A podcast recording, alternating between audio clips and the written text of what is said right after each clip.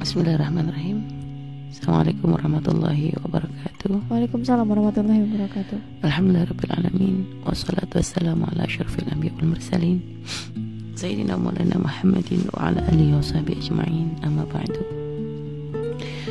Pendengar radioku di mana pun Anda berada Semoga Allah senantiasa memberikan kesehatan Untuk bekal ibadah Dan semoga Allah memudahkan langkah-langkah kita untuk senantiasa menuju kepada kemuliaan yang akan menjadikan Allah ridha kepada kita semuanya. Alhamdulillah di hari Jumat pagi ini ya, kita kembali dapat belajar bersama dalam yaitu dengan kajian rutin kita yaitu dunia muslimah dan tadi permasalahan yang akan kita bahas pada kali ini, ini adalah tentang masalah apa tadi judulnya? Nano nano nano nano nano atau maksudnya lika-liku dalam rumah tangga. Karena memang sebagian orang menyebutkan dengan nano nano dalam rumah tangga ya, karena ada rasanya ada manisnya ada asamnya ada asinnya. Ya. baik. Artinya setiap apa yang kita pilih dalam kehidupan kita tentu semuanya ada resiko gitu ya saat uh, seorang memilih untuk tidak menikah misalnya untuk belum menikah gitu, atau tidak menikah tentu kadang mereka sendiri menemukan ada banyak permasalahan yang mungkin walaupun permasalahannya bukan dari karena memang belum punya pasangan ya tentu ada masalah dari luar dari orang tua dari orang lain ya biasanya paling sering kalau udah belum nikah nih padahal sudah waktunya nikah tapi nggak nikah nikah pertanyaan paling sering ditanyakan kapan nikahnya? Kan gitu. Pertanyaan ini akan terus diulang.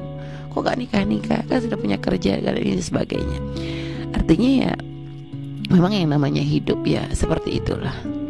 Nah, di dalam ketika sudah memasuki dunia rumah tangga gitu ya kita pun ya tentunya itu ada satu kehidupan yang apa ya baru dan tentu berbeda. Kalau dulu ibaratnya kita itu hanya ya kita ya namanya. Orang tua pun dulu kalau ibaratnya kalau dengan anak ya apa sih yang enggak untuk anak kan gitu ya. Sehingga terkadang ada banyak anak itu artinya kalau memang tidak dilatih atau tidak dididik dengan sungguh-sungguh oleh orang tua ya kadang ada rasa ego hanya mentingkan diri sendiri. Ya. ya. Akan tetapi kalau sudah memasuki dunia pernikahan maka semua rasa egois atau apa ya hanya berpikir tentang diri sendiri tidak peduli kepada orang lain ini nggak bisa lagi dipertahankan gitu loh. Kalau dulu orang tua bisa sabar anak manjanya kayak apa saya egois bagaimana orang tua biasa umumnya orang tua akan bersabar mengalah dan sebagainya. Tapi dalam rumah tangga tidak seperti itu. Sehingga ya karena memang namanya rumah tangga ini kita bertemu dengan orang baru yang dia tuh pasangan kita tuh bukan nggak ada ikatan darah dengan kita gitu loh. Bahkan mungkin saja ternyata dia tuh orang yang kita tuh belum kenal banget gitu ibaratnya.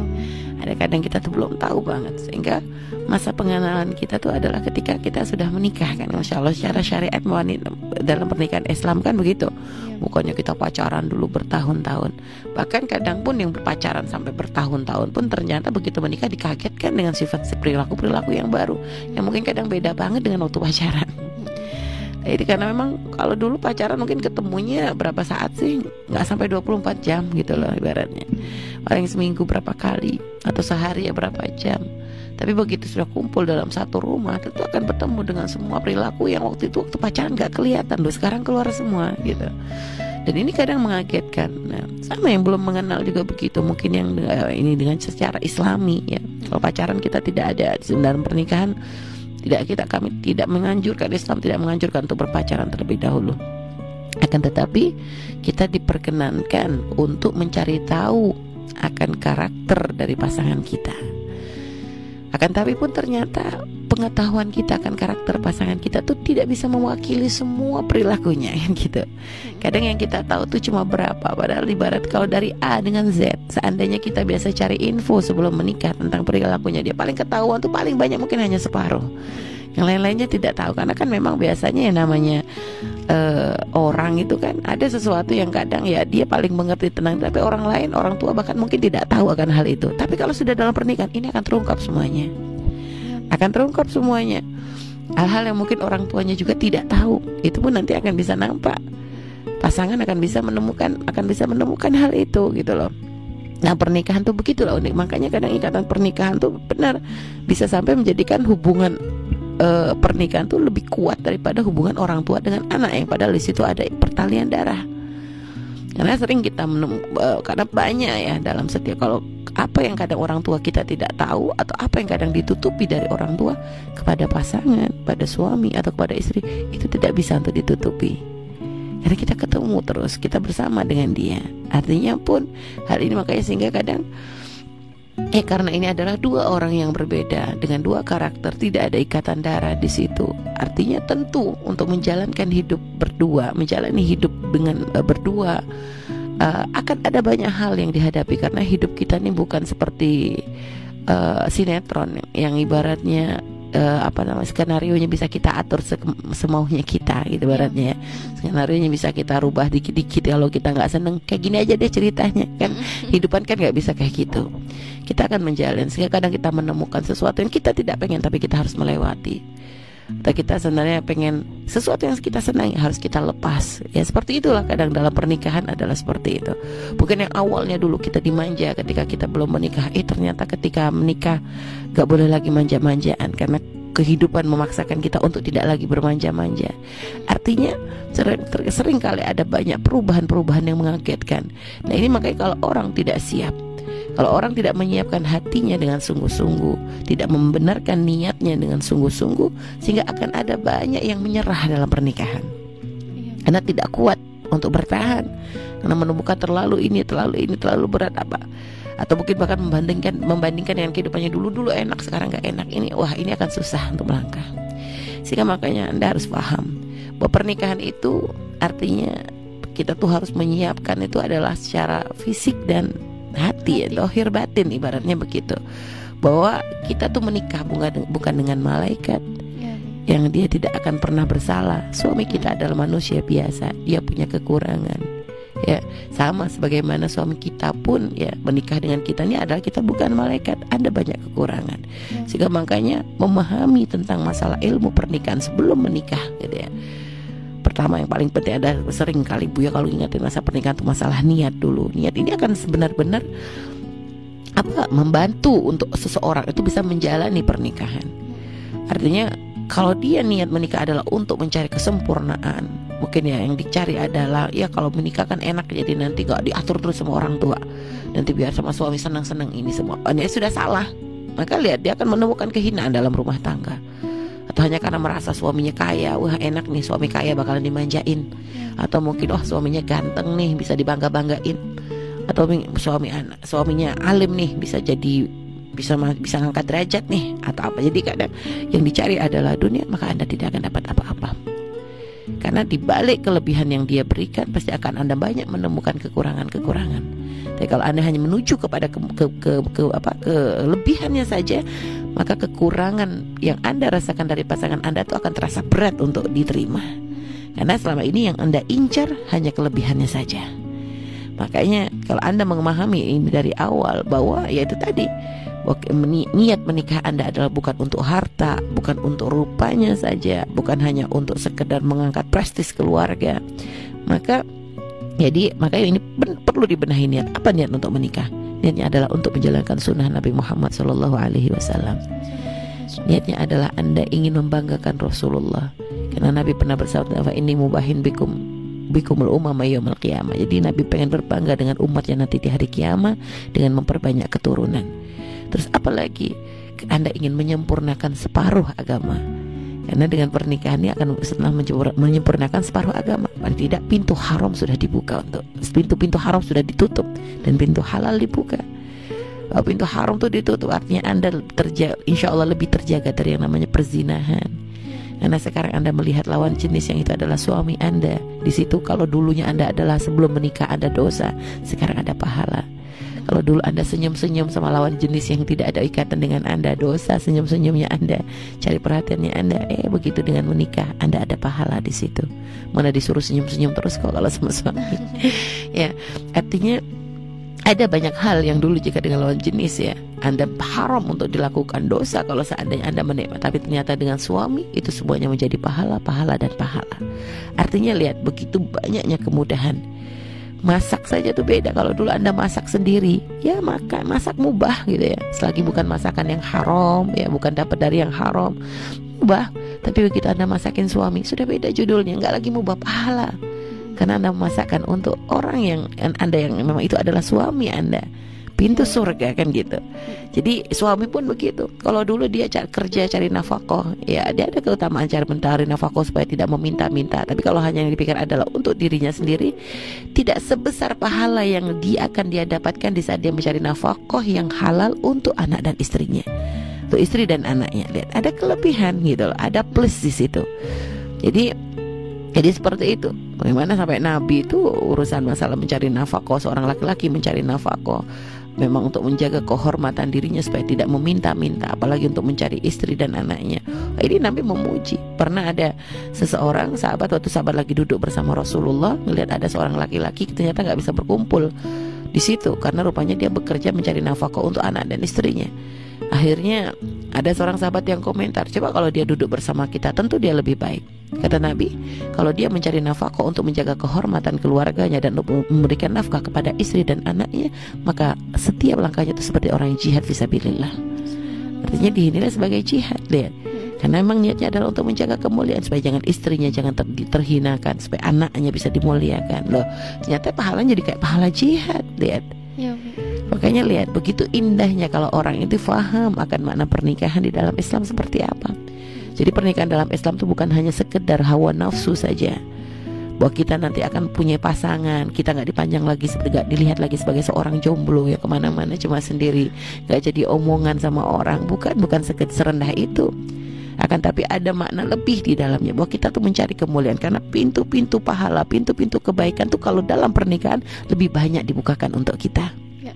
akan tapi ini bagaimana? Kalau kita ngerti kita ngerti bagaimana caranya Nah tentunya makanya tadi seperti yang disampaikan Yang namanya pernikahan tuh kadang nggak sesuai bayangan. Bahkan kalau seandainya kita Walaupun seandainya ya kita menikah dengan cara sesuai dengan syariat Jangan dipikir akan mulus-mulus saja.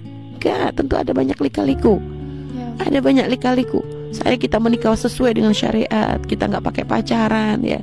Caranya benar. Kemarin sudah ngirim utusan untuk mencari tahu tentang kepribadiannya dan sebagainya sebagai sebagainya.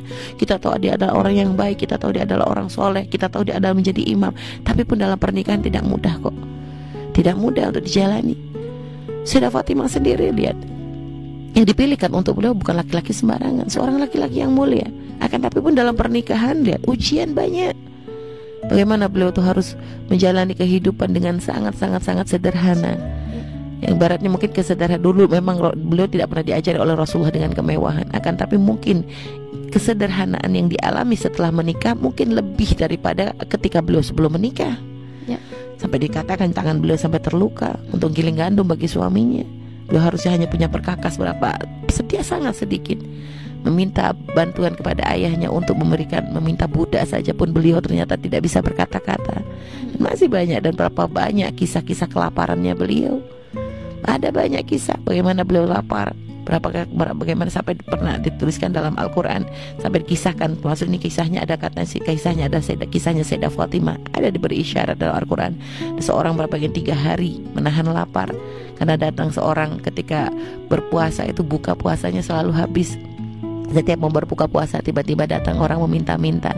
Puasa lagi datang seorang apa seorang asir seorang tawanan yang yang yang apa yang lepas seorang tawanan yang meminta makan. Terus datang pengen besoknya berbuka lagi. Eh ternyata datang lagi seorang anak yatim. Jadi sampai ada beberapa kali kejadian seperti itu setiap mau berbuka sampai beliau itu tiga hari tidak makan apa-apa dalam keadaan beliau puasa hanya air mak minum saja minum saja.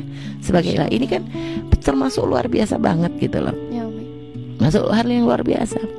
Sayyidah Aisyah juga adalah seorang wanita mulia Menikah juga dengan siapa? Dengan Rasulullah Tapi tentu dalam pernikahan ada lika-likunya gitu loh Karena ternyata pernah kisahnya Sayyidah Aisyah ya bukan ribut. Ributnya ribut bukan kayak model kita. Rasulullah tidak akan seperti itu. Hanya sampai di ada konflik antara beliau dengan dengan Rasulullah. Sampai waktu itu Rasulullah mencari penengah antara untuk bisa menjadi penengah antara beliau dengan Aisyah. Yang akhirnya dipilih adalah Sayyidina Abu Bakar. Lah ini kan satu kisah. Sampai artinya ada ada ada konflik. Berarti le, Nabi begitu. Lah kita apalagi? Kan gitu ya. Ternyata kadang ya nama ya itu pemanisnya. Jadi yang namanya permasalahan dalam rumah tangga itu pemanis bahkan sampai kasus yang paling berat dalam pernikahan Rasulullah dengan Sayyidah Aisyah adalah di saat Sayyidah Aisyah itu difitnah berselingkuh dari Rasulullah Wasallam atau yang dikenal dengan khobarul ifik. Khabarul ifik adalah berita dusta yang disebarkan oleh orang-orang munafik untuk merendahkan keluarganya Rasulullah SAW dan untuk menyakiti Nabi Muhammad SAW. Ya khabarul ifik berat. Berat. Waktu itu Sayyidah Aisyah difitnah seperti itu. Berita menyebar ke mana-mana. Wahyu tidak turun. Ya, wahyu tidak turun. Nabi adalah seorang manusia biasa yang dibimbing dengan wahyu oleh Allah Subhanahu wa taala. Sehingga begitu merasakan kok dalam keadaan bergenting wahyu tidak turun Nabi pun merasa sangat berat dengan berita ini Karena ini berita luar biasa Bagaimana istri Nabi orang yang sangat dicintai oleh Rasulullah Sampai dikatakan Rasulullah ya, Sampai Sayyidah Aisyah itu merasa terpukul ya. Merasa terpukul sampai beliau itu pindah ke, ke keluarga Ke rumah keluarga, ke rumah ayah ibunya. Lihat. Dengan kondisi berat seperti itu Minta izin kepada Nabi untuk tinggal bersama ayah dan ibunya. Dan ini artinya loh, ada konflik seperti ini. Dan berapa banyak tangisan yang keluar dari Sayyidah Aisyah. Ada banyak tangisan. Sehingga sampai diceritakan itu ketika akhirnya Allah menurunkan pembelaan kepada Sayyidah Aisyah yang ada di dalam surat An-Nur ya, dalam surat An-Nur dijelaskan pembelaan untuk Sayyidah Aisyah. Ada 11 ayat kalau tidak salah. 11 ayat yang Allah turunkan untuk membela kehormatan Sayyidah Aisyah radhiyallahu taala anha. Ya. Sehingga lihat saat itu Rasulullah merasa bahagia sekali. Dan lihat ketika ayah dan ibunya ketika ketika ayah dan ibunda dari Sayyidah Aisyah mengatakan kepada Aisyah, Sayyidah Aisyah, ya, ya Aisyah katanya, datanglah kepada suami mengucapkan terima kasih. Sayyidah Aisyah sempat masih waktu itu masih ada merasa agak ngambek mungkin ya namanya iya. istri. Dia mengatakan enggak, aku enggak akan mengucapkan syukur kecuali hanya kepada Allah sebagai bentuk uh, kekecewaan karena memang waktu itu Rasulullah tidak langsung mempercayai fitnah tersebut, tapi ada yang berubah ada yang berubah dari diri Rasulullah biasa Rasulullah selalu menanyakan selalu bersikap mungkin ya lebih mesra ada kemesraan yang kurang. Bukan karena Rasulullah mencurigai hanya mungkin terlalu beratnya. Fitnah yang disebar oleh orang-orang menjadikan mungkin ya namanya pikiran ya kadang kan ya akhirnya mungkin ya apa tidak bisa ya ya karena terlalu beratnya. Ini fitnah besar sekali bukan main-main ini. Ya keluarga Nabi kalau sampai keluarga Nabi melakukan begitu akan menjadi kerusakan untuk umat seluruhnya. Permas permasalahannya bukan hanya urusan suami istri ini urusan umat. Sehingga makanya itu berat sekali untuk dirasa oleh Nabi sehingga menjadikan sikap beliau ini adalah ya karena Nabi adalah manusia ada rasa marah ada rasa ini ini sebagainya ya. Nabi waktu itu ada perubahan yang biasanya sangat-sangat mesra kepada Sayyidah Aisyah. Waktu itu mungkin hanya menanyakan kabar gimana kabarmu Aisyah? Karena kebetulan Sayyidah Aisyah lagi sakit saat itu Ya. Jadi makanya Sayyidah Aisyah merasa kecewa sehingga waktu mendapat uh, mendapatkan pertolongan uh, dapatkan wahyu dari Allah Rasulullah untuk membela Sayyidah Aisyah, orang tuanya nyuruh datang ke suamimu. Enggak, katanya aku tidak akan datang. Kalau kamu syukur kepada Allah. Lihat. Jadi ini menunjukkan ada lika-liku dalam rumah tangga Rasulullah gitu ya. Ada ada tetapi lihat, tapi ini semua adalah bumbu untuk mencari kemuliaan, kebahagiaan. Nah, dan kita kalau melihat pun dalam rumah tangga pun ternyata terkadang uh, permasalahan yang terjadi antara suami dan istri. Ini bisa kalau bisa diselesaikan semuanya dengan dengan baik ya. Dengan baik dengan cara ya artinya tidak mendahulukan ego masing-masing gitu ya. Maka biasanya di saat udah akur itu lebih mesra lagi daripada sebelumnya. Ya, biasanya seperti itu. Umumnya ya. Umumnya adalah biasanya jadi kalau sudah baikan tuh masya Allah udah ngalah-ngalahin kayak pengantin baru itu karena kalau pengantin baru aja ini sesuatu yang baru. Tapi kalau sudah kadang ada konflik dalam rumah tangga kok ternyata bisa terselesaikan misalnya? Bisa terselesaikan dengan cara baik. Wah itu biasanya ada ikatan lebih di situ. Ya. jadi permasalahan yang ada di dalam rumah tangga itu jangan dianggap sebagai musibah. Itu sebenarnya adalah uh, untuk tempaan bagi kita. Ya, kayak emas itu akan tidak akan menjadi indah kecuali setelah ditempa dengan proses yang matang yang cukup kan gitu. Semakin kayak apa, perkakas apa keramik atau apa dia akan bisa menjadi indah. Itu bukan cuma sekedar dielus-elus aja. Dielus-elus ya terus jadi terbentuk. Enggak akan tapi nanti kalau ingin indah dibakar dulu diinin dulu dan sebagainya. Jadi akan kesak akan ada banyak kesakitan kalau kita tuh ingin ya akan ada banyak hal gitu ya untuk menjadikan seorang tuh menjadi kuat seorang tuh menjadi lebih dewasa ya. jadi seorang itu lebih bijak seorang itu menjadi lebih akhirnya memikirkan bukan hanya memikirkan saya tapi pasangan saya ada lagi kadang bukan urusan masalah pasangan anak saya. Sehingga kadang ada berapa banyak orang tua harus melewati itu semua. Eh ternyata apa? Untuk mi anak dan sebagainya. Lah ini loh. Artinya ini semua akan menjadikan kalau kita bisa melewati ini semua dengan cara yang benar ya. Dengan sesuai dengan apa yang diajarkan oleh Rasulullah. Ya. kita dengan dekat mendekat kepada ulama kita dengan mendekat kepada Allah Subhanahu Wa Taala. Dan intinya mencari pertolongan kepada Allah Subhanahu Wa Taala maka ini semua bukan akan menjadikan anda terpuruk tapi akan menjadikan kehidupan rumah tangga anda semakin indah dan tapi itu ingat, kembalikan semua urusan itu terlebih dahulu sebelum mencari penyelesaian kepada manusia. Di saat ada masalah kembalikan dulu kepada Allah. Bahwa Anda mengejar surga. Sehingga dengan kondisi seperti ini, maka kesabaran Anda benar-benar dituntut ya. Bahwa sekarang bukan hanya egois, bukan saya, akan tapi melihat oh pasangan saya mungkin pasangan Anda melakukan kesalahan. Ketahuilah pasangan Anda bukan nabi, maka berlapang dada untuk memaafkan itu adalah kemuliaan. Berlapang dada memaafkan, menerima kekurangannya, melihat jangan hanya melihat kepada sisi kekurangannya tapi berusaha melihat kepada kelebihan-kelebihan yang di Allah berikan kepadanya. Mungkin suami anda mungkin tidak seperti Nah, mungkin anda punya teman yang suaminya wah begini begini begini. Ternyata mungkin suami anda tidak seperti itu. Jangan melihat dari orang kelebihan yang dimiliki orang lain. Karena tidak ada Allah tuh menciptakan orang tuh semuanya kekurangan. Semuanya pasti ada kelebihan ada kekurangan. Mungkin ketika Anda melihat suami teman Anda, kok kayaknya dia lebih enak suaminya begini-begini, belum tentu juga kok. Anda belum tahu kok. Bahkan mungkin kalau seandainya Anda dipertemukan dengan suami teman Anda belum tentu cocok kok ibaratnya gitu. Iya. Hanya kadang orang itu punya milik orang lain selalu terlihat lebih indah daripada milik kita sendiri. Padahal sama-sama beli baju, waktu itu beli ke pasarnya juga bahannya belinya walaupun beda model, tapi sama belinya bareng, giliran sudah jadi kadang Anda merasa kok jadi bagusan punya teman Anda daripada teman dari baju Anda. Akan seperti itu ya, begitulah manusia. Selalu nampak milik orang lain itu selalu indah, padahal sebenarnya kalau giliran dipakai belum tentu cocok juga kok gitu lah. Hanya ya begitulah manusia itu selalu memang ada rasa tidak puas dengan apa yang dimiliki. Sehingga makanya ayolah belajar bagaimana untuk menerima kekurangan pasangan Anda, bagaimana untuk bisa menahan ego kita, bagaimana untuk menanamkan kesabaran, bagaimana agar yang uh, kita menanamkan di hati kita bahwa yang kita tujunya adalah surga bahwa setiap uh, capek kita dalam pernikahan itu adalah surga setiap kesabaran kita ini adalah surga di saat kita mau memberikan yang terbaik untuk pasangan kita itu adalah bukan kerugian tapi surga ya. nah, lihat jadi bukan ego lagi. Tapi kalau semuanya lihat dengan hawa nafsu lihat. Begitu ada aturan istri berkhidmat kepada suami itulah diskriminasi. Akhirnya nggak pengen. Kalau memang suami bisa gini saya juga bisa. Setiap suaminya begini saya juga bisa. Akan capek hidup kita tidak akan ada keindahan. Keindahan rumah tangga tidak akan bisa kita dapatkan. Makanya insya Allah nano-nano dalam rumah tangga itu ya akan bisa terasa sedapnya ya. Kalau memang ya namanya nano-nano itu kan bukan bukan gak enak. Semua orang ngomong kalau nano-nano itu kan rasanya asam asin rasanya pas komplit gitu ya. Memang kayaknya aneh pertama dirasa tapi lama-lama terasanya uniknya gitu ya. Campuran rasa kok lama-lama menjadi enak kan gitu ya. Seperti itulah sebenarnya dalam kehidupan kita itu yang katanya pahit ya ternyata kok bercampur dengan masak dengan manis lalu bercampur dengan ini macam-macam rasa di situ akhirnya benar-benar menjadikan pernikahan kita tuh menjadi pernikahan yang luar biasa insya Allah. Dan semoga yang sudah menikah Allah jaga rumah tangganya menjadi rumah tangga yang sakinah mawaddah rahmah. Dan yang belum menikah jangan takut untuk menikah. Anda akan mencari pintu halal. Jangan mikirin aduh nanti takut cerai. Belum nikah sudah mikirin cerainya kapan mau nikahnya kan gitu ya. Jangan menikah untuk dengan berpikir cerai. Anda menikah untuk mencari surganya Allah Subhanahu wa taala dan itu bisa menjadi motivasi bagi kita untuk bersemangat dalam mencari kesempurnaan untuk separuh agama kita ya. Insya Allah seperti itu Allah alam bisawab.